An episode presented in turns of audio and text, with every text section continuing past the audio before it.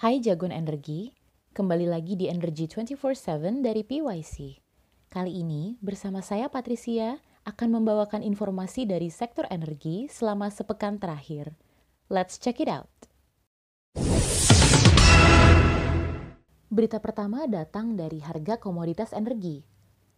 Rata-rata Indonesian Crude Price atau ICP di bulan Oktober ini menggunakan harga bulan September yang kembali mengalami kenaikan menjadi sebesar 72,20 US dollars per barrel. Lalu, harga minyak West Texas Intermediate untuk kontrak November per 14 Oktober ini berada di angka 80,98 US dollars per barrel. Sementara, harga minyak Brent berada di level 83,73 US dollars per barrel.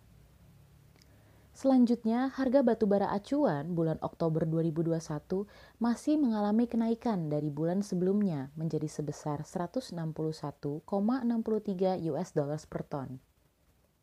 Sementara, Newcastle Coal Price per 14 Oktober 2021 tercatat sebesar 243 US dollars per ton.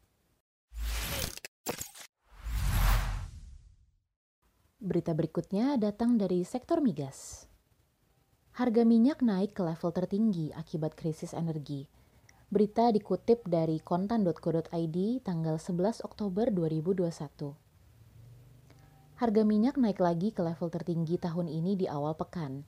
Krisis energi global mengerek harga mayoritas komoditas energi dalam beberapa waktu belakangan. Senin, 11 Oktober pukul 7.25 waktu Indonesia Barat, harga minyak WTI kontrak November 2021 di New York Mercantile Exchange berada di 79,93 US dollars per barrel. Harga minyak acuan Amerika Serikat ini menguat 0,73 persen ketimbang posisi akhir pekan. Dalam sepekan, harga minyak WTI melesat 2,98 persen. Sejalan, harga minyak Brent kontrak Desember 2021 di ICE Futures berada di 82,84 US dollars per barrel. Harga minyak acuan internasional ini menguat 0,55 persen dari posisi akhir pekan dan melesat 1,94 persen dalam sepekan. Dengan meningkatnya permintaan energi global, OPEC Plus akan tetap melanjutkan pengurangan produksi secara bertahap. Sementara pemerintah AS mengatakan sedang memantau pasar energi pemerintah AS tidak mengumumkan rencana segera untuk tindakan menurunkan harga.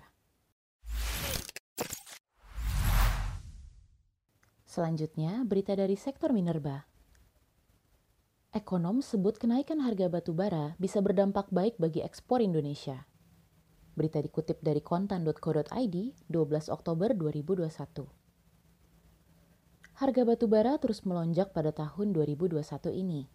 Teranyar, harga batu bara di pasar ICE Newcastle Australia tercatat mencapai 212 US dollars per ton atau mencapai rekor tertinggi sepanjang sejarah. Secara year to date sudah melesat hingga 166,5 persen. Ekonom Bank Mandiri, Faisal Rahman mengatakan, naiknya harga batu bara masih akan berdampak baik bagi kinerja ekspor Indonesia hingga akhir tahun 2021.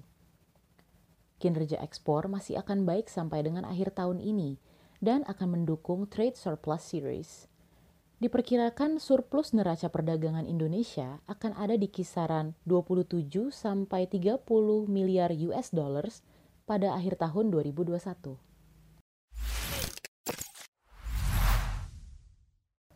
Berita selanjutnya dari sektor listrik. Masyarakat mulai beraktivitas, PLN siap-siap hadapi lonjakan konsumsi listrik.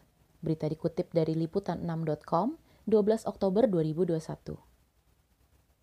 PT PLN Persero memprediksi penjualan listrik PLN bakal terus meningkat mencapai 252,51 terawatt hour hingga akhir 2021, tumbuh 4,71 persen dibanding tahun lalu. Konsumsi listrik sudah tumbuh mencapai 4,42 persen menjadi 187,78 terawatt hour hingga September 2021 secara year on year. Pertumbuhan sektor industri turut berperan dalam mendorong pertumbuhan ekonomi di tengah pandemi, di mana tercatat pertumbuhan sektor industri sebesar 10,63 persen pada kuartal 3 2021. PT PLN memastikan keandalan pasokan listrik mendukung pertumbuhan ekonomi nasional. Apalagi saat ini pasokan listrik di sistem Jawa, Madura, dan Bali atau Jamali tengah berlebih seiring dengan mulai beroperasinya sejumlah pembangkit di proyek 35.000 MW. Daya mampu sistem kelistrikan Jamali mencapai 38.522 MW dengan beban puncak 26.931 MW sehingga terdapat cadangan daya sebesar 11.591 MW. Berita berikutnya dari sektor energi baru terbarukan.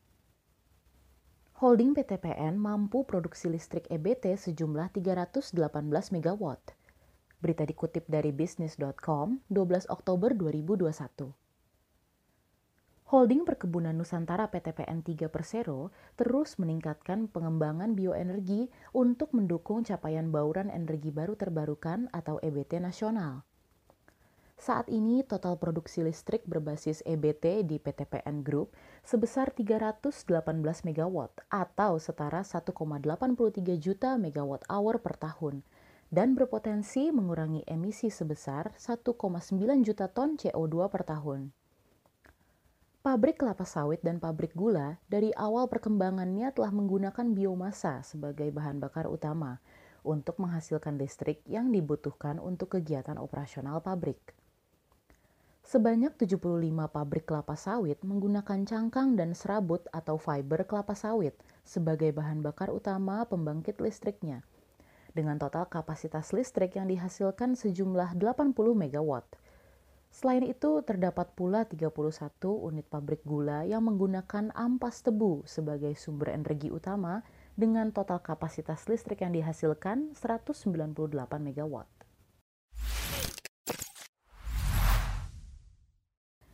Berita terakhir untuk hari ini masih dari sektor energi baru terbarukan. Pajak karbon dalam UU HPP, upaya RI lestarikan lingkungan. Berita diambil dari kemenko.go.id dan bisnis.com 7 dan 13 Oktober 2021. Rancangan Undang-Undang Harmonisasi Peraturan Perpajakan atau RUU HPP yang disahkan Dewan Perwakilan Rakyat pada 7 Oktober 2021 mengatur berbagai kebijakan perpajakan. Salah satunya mengenai pengenaan pajak baru berupa pajak karbon. Untuk tahap awal mulai tahun 2022, pajak karbon akan diterapkan pada sektor pembangkit listrik tenaga uap batubara dengan menggunakan mekanisme pajak yang mendasarkan pada batas emisi atau cap and tax. Tarif Rp30 per kilogram karbon dioksida ekuivalen diterapkan pada jumlah emisi yang melebihi cap yang ditentukan. Penerapan pajak karbon menurut RUU HPP akan dilakukan secara bertahap dan diselaraskan dengan carbon trading sebagai bagian dari roadmap green economy Hal ini untuk meminimalisasi dampaknya terhadap dunia usaha, namun tetap mampu berperan dalam penurunan emisi karbon. Pengenaan pajak ini sebagai bagian dari komitmen Indonesia untuk menurunkan emisi karbon sesuai target Nationally Determined Contribution atau NDC sebesar 29% dengan kemampuan sendiri dan 41% dengan dukungan internasional pada tahun 2030. Kebijakan ini merupakan sinyal kuat yang akan mendorong perkembangan pasar karbon, inovasi teknologi, dan investasi yang lebih efisien, rendah karbon, dan ramah lingkungan.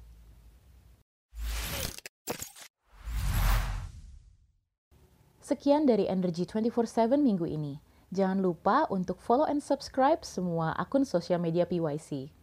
Stay safe and see you next week.